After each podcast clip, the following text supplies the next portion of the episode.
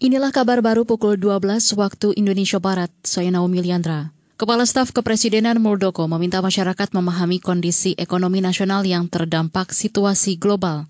Ini menanggapi hasil riset lembaga survei Indonesia LSI yang menyebut mayoritas publik menganggap negatif ekonomi Indonesia setahun terakhir. Kita mesti uh, sampaikan juga kepada masyarakat bahwa kondisi perekonomian global saat ini tidak baik-baik saja Bukan hanya Indonesia yang menghadapi situasi ini. Kepala Staf Kepresidenan Muldoko mengklaim fundamental ekonomi Indonesia kuat seperti survei yang dirilis Bloomberg. Survei itu menyebut Indonesia termasuk negara yang punya probabilitas kecil mengalami resesi. Kita ke Kalimantan Timur. Sekitar 25 persen nelayan di Balikpapan tidak mendapat jatah solar bersubsidi dari Pertamina. Nelayan mengajukan usulan 650 ton untuk keluarga, tetapi hanya 400-an ton yang dipenuhi. Berikut pernyataan Kepala Dinas Pangan, Pertanian, dan Perikanan Balikpapan, Heria Prisni.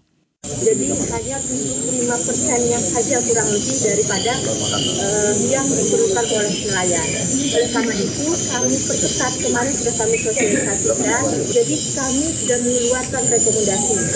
Rekomendasi yang memang sudah kami bagi ada ada hitungannya, ada rumusnya. Kadis Pangan Pertanian dan Perikanan Balikpapan Heria Prisni menambahkan, solar subsidi disalurkan melalui stasiun pengisian bahan bakar nelayan. Hanya nelayan yang mendapat rekomendasi yang bakal dilayani. Solar subsidi bisa diambil nelayan yang bersangkutan ataupun kerabat yang tercantum dalam kartu keluarga. Beralih ke informasi mancanegara. Junta Myanmar telah mengeksekusi empat tahanan termasuk bekas anggota parlemen partai pimpinan Aung San Suu Kyi dan aktivis pro-demokrasi.